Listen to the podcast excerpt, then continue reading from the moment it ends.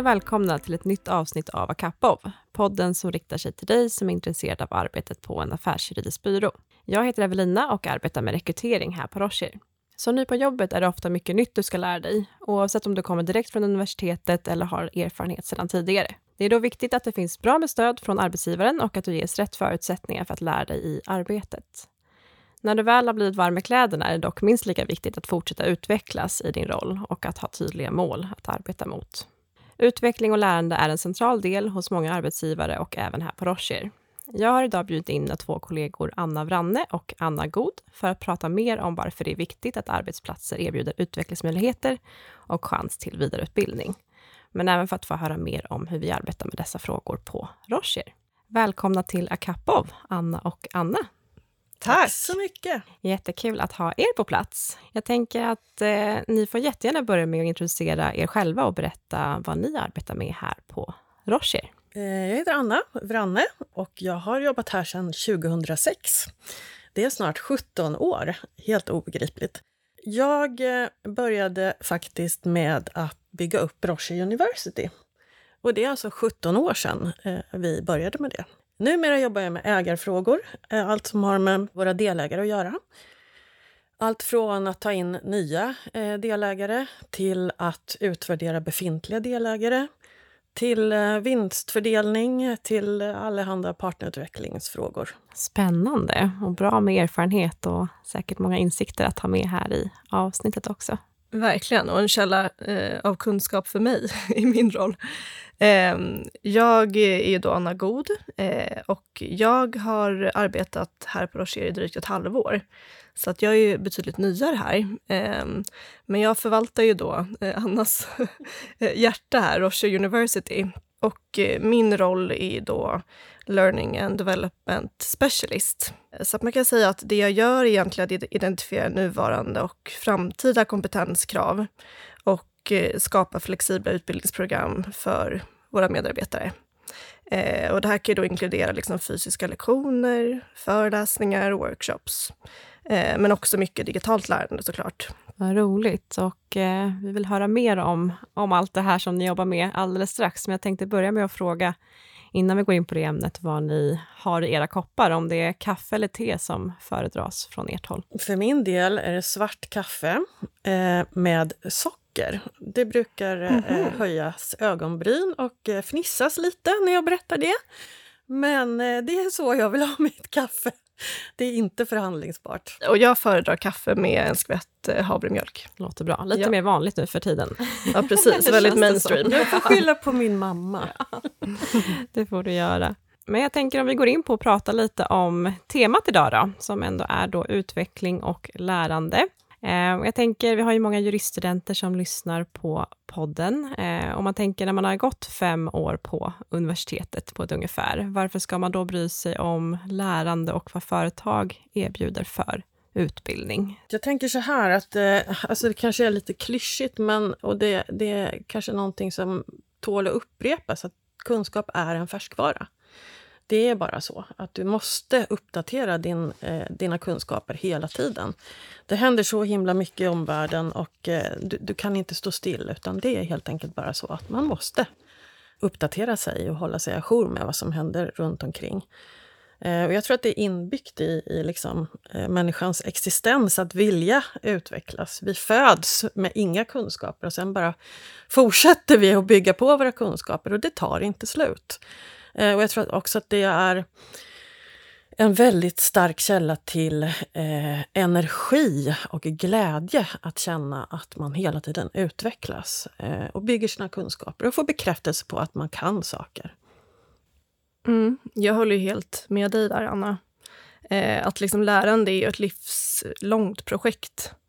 Eh, så man slutar ju aldrig att lära sig genom livet. Och just i rollen som jurist så tänker jag att när man är nyutexaminerad så har man ju såklart med sig en verktygslåda från skolan eh, som gör dig just kunnig inom juridiken. Eh, men idag förväntas du som jurist att kunna så mycket mer. Och eh, alltså framtidens jurist och alltså snart nutidens då, måste ju vara en, liksom en mångkunnig, en mång, multibegåvad person som liksom bara råkar vara en advokat. Eh, så att alla de typer av kompetenser som man kanske inte får med sig i skolan är någonting som vi också fokuserar mycket på här. Eh, för att kunna ja, ge dig de bästa verktygen för att kunna lyckas i din, i din roll. Ja, men jag håller helt med. Och det är precis som Anna säger, att det är en lång teoretisk utbildning som du skaffar dig på juristlinjen. Men det är en helt annan sak att komma ut i verkligheten, att omsätta teori i praktik. Eh, och det är ju egentligen den stora omställningen. Eh, det är inte så mycket praktik på juristlinjen vad jag känner till. Eh, rätta mig om jag har fel, men, men det är när man kommer ut i verkligheten som det ställer sig på sin spets. Jag tänker, man brukar ju säga det att man förväntas inte kunna så jättemycket praktiskt när man kommer hit som nyexad, utan mer att man är nyfiken och driven och vill lära sig. Eh, och så lär man sig mycket längs vägen också när man börjar jobba. Eh, men hur är liksom utbildningserbjudandet uppbyggt, tänker jag, när man väl kommer in här? Hur ser de olika stegen ut? Ja, alltså jag skulle väl säga som så att det viktigaste när man ska bygga ett utbildningsprogram är att lite börja från toppen. Alltså hur ser vår vision och vår strategi ut? Eh, och vart vill man som byrå vara liksom, inom de närmsta åren eller det närmsta decenniet till och med? Och vad behöver vår personal ha för kompetens för att kunna ta oss dit? Och vi i vårt fall har ju gjort just det här. Ehm, och vi har utifrån den här strategin identifierat nio kompetensområden som har blivit vårt liksom, huvudfokus. Ehm, och vi bygger därefter utbildningsinsatser av varierad karaktär för att försäkra oss om att ja, alla anställda eh, når de här kompetenskraven som krävs då för att vi ska kunna nå vår ambition i längden. Ja, alltså det är ju helt riktigt. Ehm, man brukar prata om något som heter 70-20-10-regeln. Det är en ganska etablerad tes inom utbildningsvärlden. Den eh, tillkom eh, för rätt länge sedan, så jag är inte helt säker på att den är helt up to date. Men som utgångspunkt så brukar man säga att eh, majoriteten av lärandet på en arbetsplats ska ske genom det konkreta arbetet. Det vill säga dina arbetsuppgifter, dina utmaningar som du får i ditt dagliga arbete.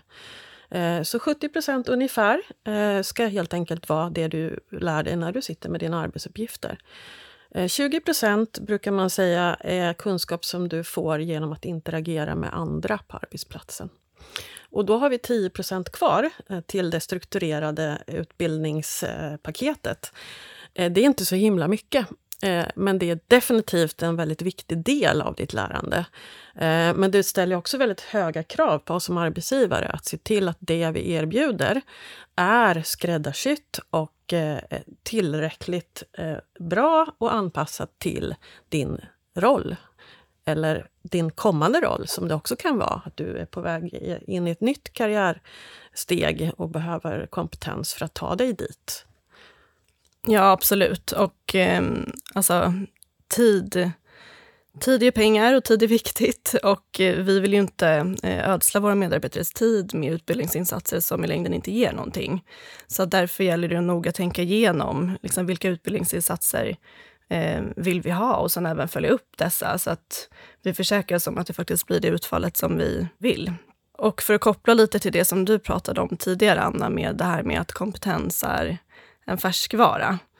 Det har ju gjorts forskning de senaste åren på just ja, men, hur, hur länge vi har den kompetensen som vi besitter idag. Eh, hur mycket den faktiskt är värd om, om fem år. Eh, och det är faktiskt så att det bara är 50 procent. Så att ni kan ju tänka er själva att eh, många sitter där vid sina skrivbord och tänker att om jag är kompetent, jag har arbetat i många år, jag har mycket erfarenhet. Men som sagt, 50 procent av den kompetensen är egentligen borta, eller inte borta, men i den föränderliga miljö som vi har så förändras kraven på din roll och det gör att vissa delar inte är viktiga längre. Ehm, och därför måste vi utveckla oss konstant för att hålla oss ajour med omvärlden. Intressant och ny information för mig. Jag har inte läst på så mycket på just det området, så det är intressant att höra mer kring. Jag tänker, ni nämnde de här med 70, 20 och 10 procent och som jag förstår det då så är det kanske mer de 10 procenten som ni jobbar med i att tillhandahålla utbildningar för personalen. Tolkar jag det rätt? då? Jag skulle vilja säga så här att eh, det stämmer. Men det är också så här att för att du ska kunna lära dig eh, genom det du jobbar med, med dina konkreta arbetsuppgifter, det, det, gör du ju inte helt på egen hand, utan det gör det ju eh, med hjälp av alla andra som jobbar här. Eh, och där kan man väl nämna vårt eh, tutorprogram till exempel, eh, att man får en handledare när man börjar jobba här som har till uppgift att stötta i det dagliga arbetet och eh, överföra kunskap från mer erfarna till då, eh, de som behöver skapa sig erfarenhet. Så det är ju inte helt sant eh, att det bara är 10% utan det är ju ganska flytande, skulle jag säga. Men rent liksom klassrums eller online-utbildningsmässigt så skulle jag säga att det är en ganska liten del som vi kan eh, eh, pressa in i det totala lärandet. Just det. Skulle ni vilja berätta lite mer kring hur utbildningarna är uppbyggda? För ni har nämnt Roche University och nu var du inne på att det kan vara i klassrummet men också eh, online eller digitalt. Eh, hur ser utbildningserbjudandet ut? Liksom, hur är det uppbyggt och vad är Roche University om ni vill utveckla kring det? Absolut. Eh, jag pratade ju tidigare om de här nio kompetenserna som vi har eh, identifierat. Eh, och eh, de kompetenserna alltså inbegriper då alltså operativa färdigheter, eh, compliance, eh, kultur, liksom, hur ser Rochers kultur ut? Hur arbetar vi här med eh, kulturfrågor? Ehm, hälsa och välbefinnande. Sen såklart juridisk liksom, sakkunskap. Projektledning är en väldigt stor del av vårt eh, erbjudande i och med att vi jobbar väldigt mycket i projekt här på Rocher. Ehm, sen har vi även utbildningar inom client centricity som handlar mycket om att du ska kunna förstå ehm, din klient och eh, liksom den miljön som din, din, din, klient verkar i för att du på så vis ska kunna ge bästa möjliga service till dem. Sen har vi också lite mer mjukare kompetenser som kommunikation och ledarskap. Jag skulle vilja säga att det i stort är de områdena. Sen så har vi också kontakt med väldigt många olika externa leverantörer. Eh, så att eh, om man själv känner att man vill utvecklas inom en annan kompetensområde eh, så har vi möjlighet att tillhandahålla utbildningar även där. Men då blir det mer ett skräddarsytt erbjudande från vårt håll. Just det.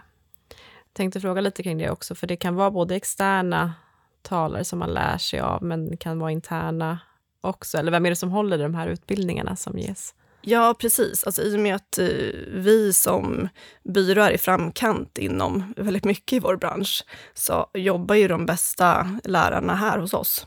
Eh, och det är en väldig lyx att kunna tillhandahålla eh, den nivån på utbildningar där vi själva tillhandahåller själva lärarna.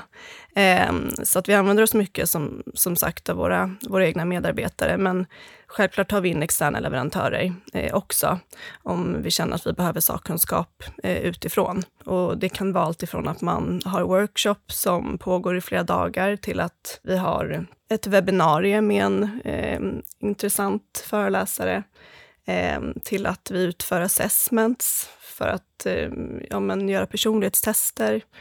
Eh, eller sådana enkla saker som en powerpoint-utbildning. Eh, så att högt och lågt skulle jag säga. Och på delägarnivå så, så jobbar vi väldigt mycket med externa coacher eh, för att stötta dels i övergången från eh, icke-delägare till delägare och även under eh, de första åren som delägare så har vi ett antal externa coacher som kommer in, både med individuell stöttning men också i gruppcoaching. Eh, och eh, jag tänker när man kommer in som ny då på byrå, för nu har ni nämnt väldigt många typer av olika utbildningar och man förstår ju att det skiljer sig från kanske nyexad jurist och delägare i vilken form av utbildning man får, men skiljer det sig också åt mellan jag tänker att när man är här första året kanske gentemot vilka utbildningar man går lite längre fram.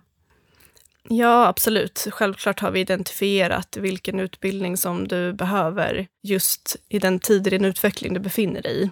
Ehm, så att eh, vi har absolut identifierat specifika färdigheter som man kanske behöver precis när man kommer in på byrån. Och då är det såklart mycket alltså just eh, sakkunskap inom just juridikfrågor, Sen eh, mycket om, eh, liksom, om Rocher, hur vi arbetar. Lära sig om våra olika praktikområden för att få en helhetsförståelse för vad alla eh, på vår byrå eh, gör och arbetar med. Och sen självklart eh, om en kommunikation och de här mjuka värdena också. Eh, men jag skulle säga att det är eh, i, i huvudfokus, våra operativa färdigheter. Och i tillägg till det så, jag menar, ett, ett riktigt bra eh, utbildningserbjudande, det ska ju utgå från eh, det behov som den, den anställde har, eh, så att säga, i stunden. Och det betyder ju att man måste bygga utbildningsprogrammet utifrån hela karriärstegen, så att säga. Och analysera helt enkelt, vad, vad har man för behov beroende på var man befinner sig någonstans i karriären. Jag håller helt med. Kan man vara med och själv påverka då hur ens utvecklingsväg eller liksom vilka utbildningar man tar del av då? Eller är det mycket som obligatoriskt eller har man själv som individ möjlighet att påverka?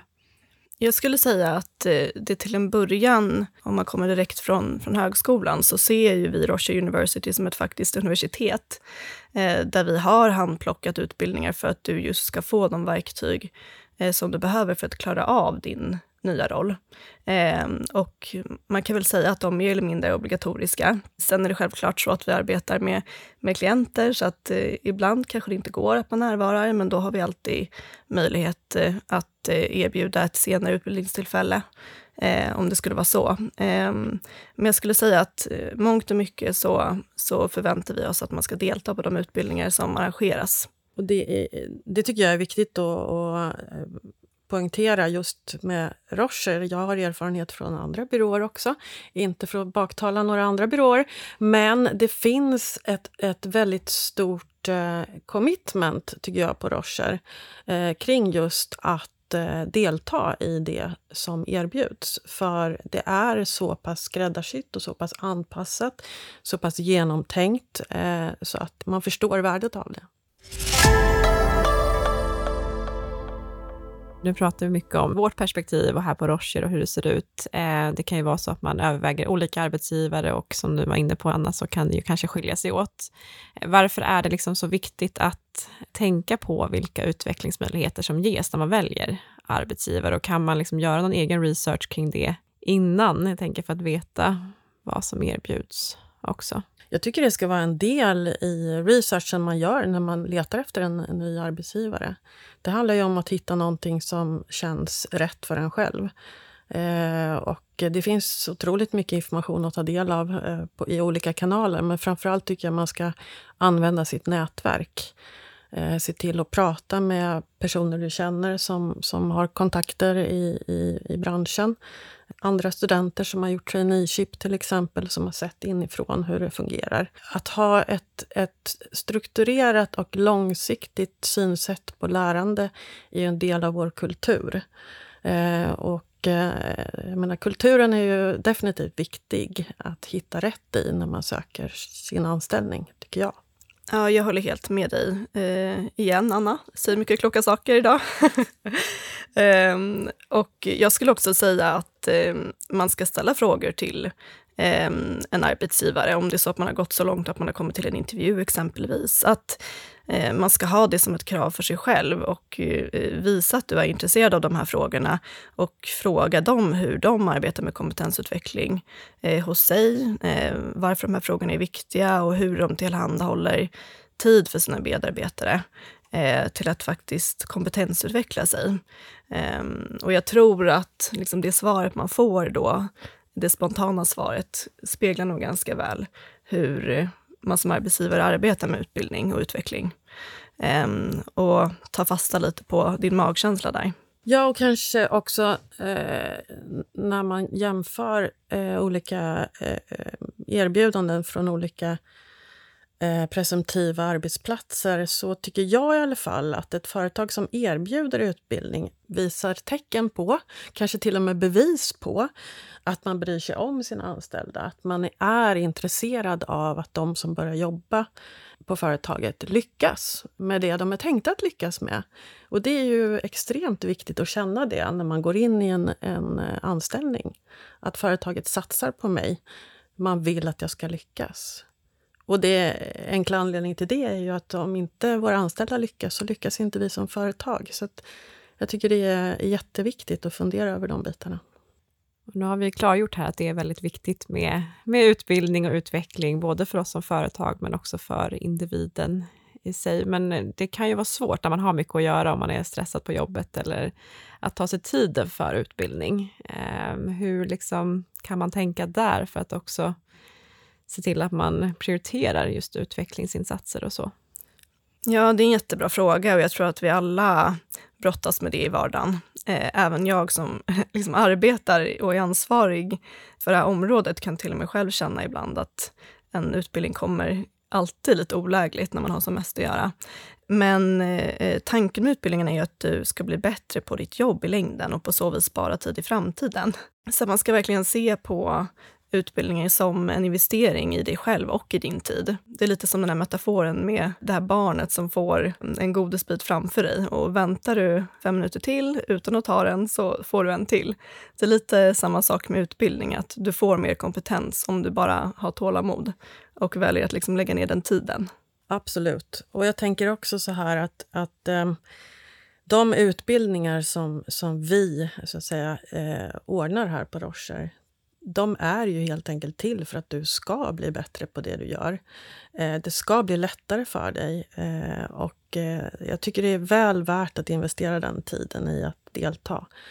Man kan vara helt säker på att det vi erbjuder är väl anpassat, eh, strukturerat och någonting som du får med dig direkt till skrivbordet och kan ha användning av. Absolut. Och jag har upplevt eh, flera gånger alltså personer som deltar i utbildningar och får perspektiv till exempel från våra andra eh, praktikområden, att eh, de i sina projekt inser att de kan ta hjälp i sakfrågor av eh, kollegor eller medarbetare eh, där de kanske inte hade tänkt på det innan utbildningen, men efteråt förstår ett samband mer kring det arbetet som de gör och hur man då kan effektivisera sitt eget eh, arbete med hjälp av samarbete och så vidare. Eh, så att det ska vara en win-win, både för dig som individ och för företaget självklart. Och det låter bra. Det är något man får påminna sig själv om. Kanske sätta upp en liten lapp eller påminnelse om att det lönar sig i längden och att det är värt att prioritera. Ja, och vi har ju mycket eh, onlinebaserat material också som man kan ta del av eh, när tid och utrymme finns. Så att jag brukar säga det att eh, om man lägger en block i din kalender, om du har en halvtimme mellan eh, ett par möten, ofta känns det som eh, en sån där tid där det är omöjligt att starta upp någonting annat, eh, utan det blir lätt att man kanske bara sitter och kanske läser igenom något mejl eller liknande. Men då kan man faktiskt gå in och ta en utbildning.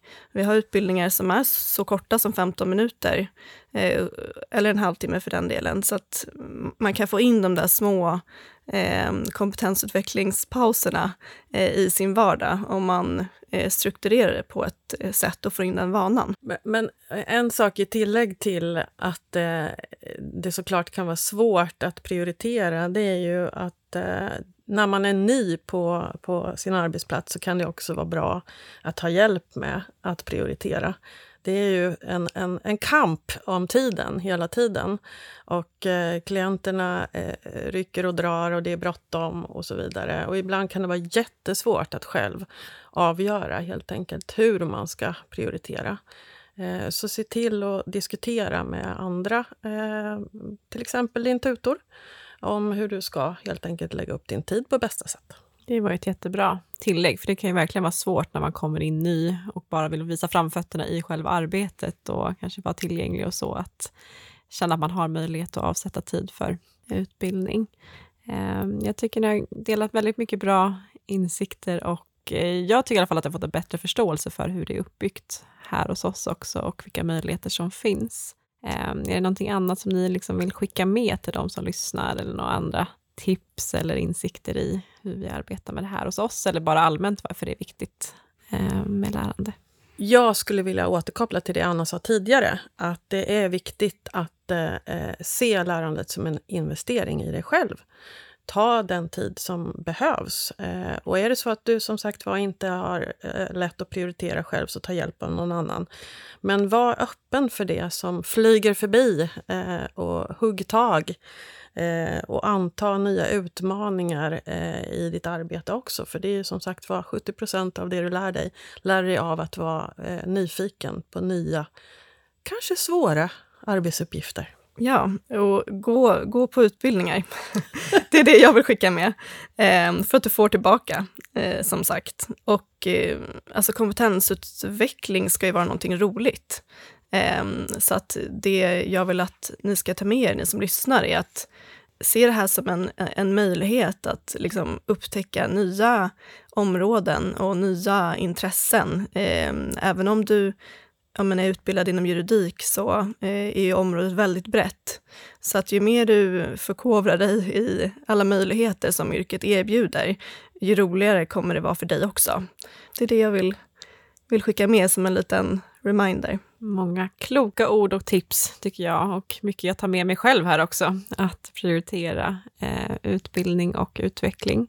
Tack så jättemycket Anna och Anna för att ni har velat vara med här i avsnittet. Tack så mycket.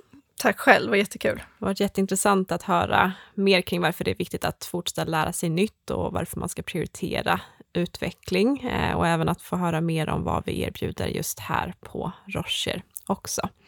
Eh, och för att upprepa lite det så lär man sig mycket genom att arbeta tillsammans med andra, eh, men också genom att gå på anordnade utbildningstillfällen som man här kan göra via Roche University. Då. Eh, och detta är även något som har kommit upp mycket i tidigare poddavsnitt också. Många som har benämnt att det är där man har lärt sig mycket nytt. Om du som lyssnar har några frågor eller så gällande avsnittet eller önskemål om kommande gäster och ämnen så är du varmt välkommen att höra av dig till oss på acapov.podcast.com. Glöm inte heller att följa oss på sociala medier. Tack för att du har lyssnat.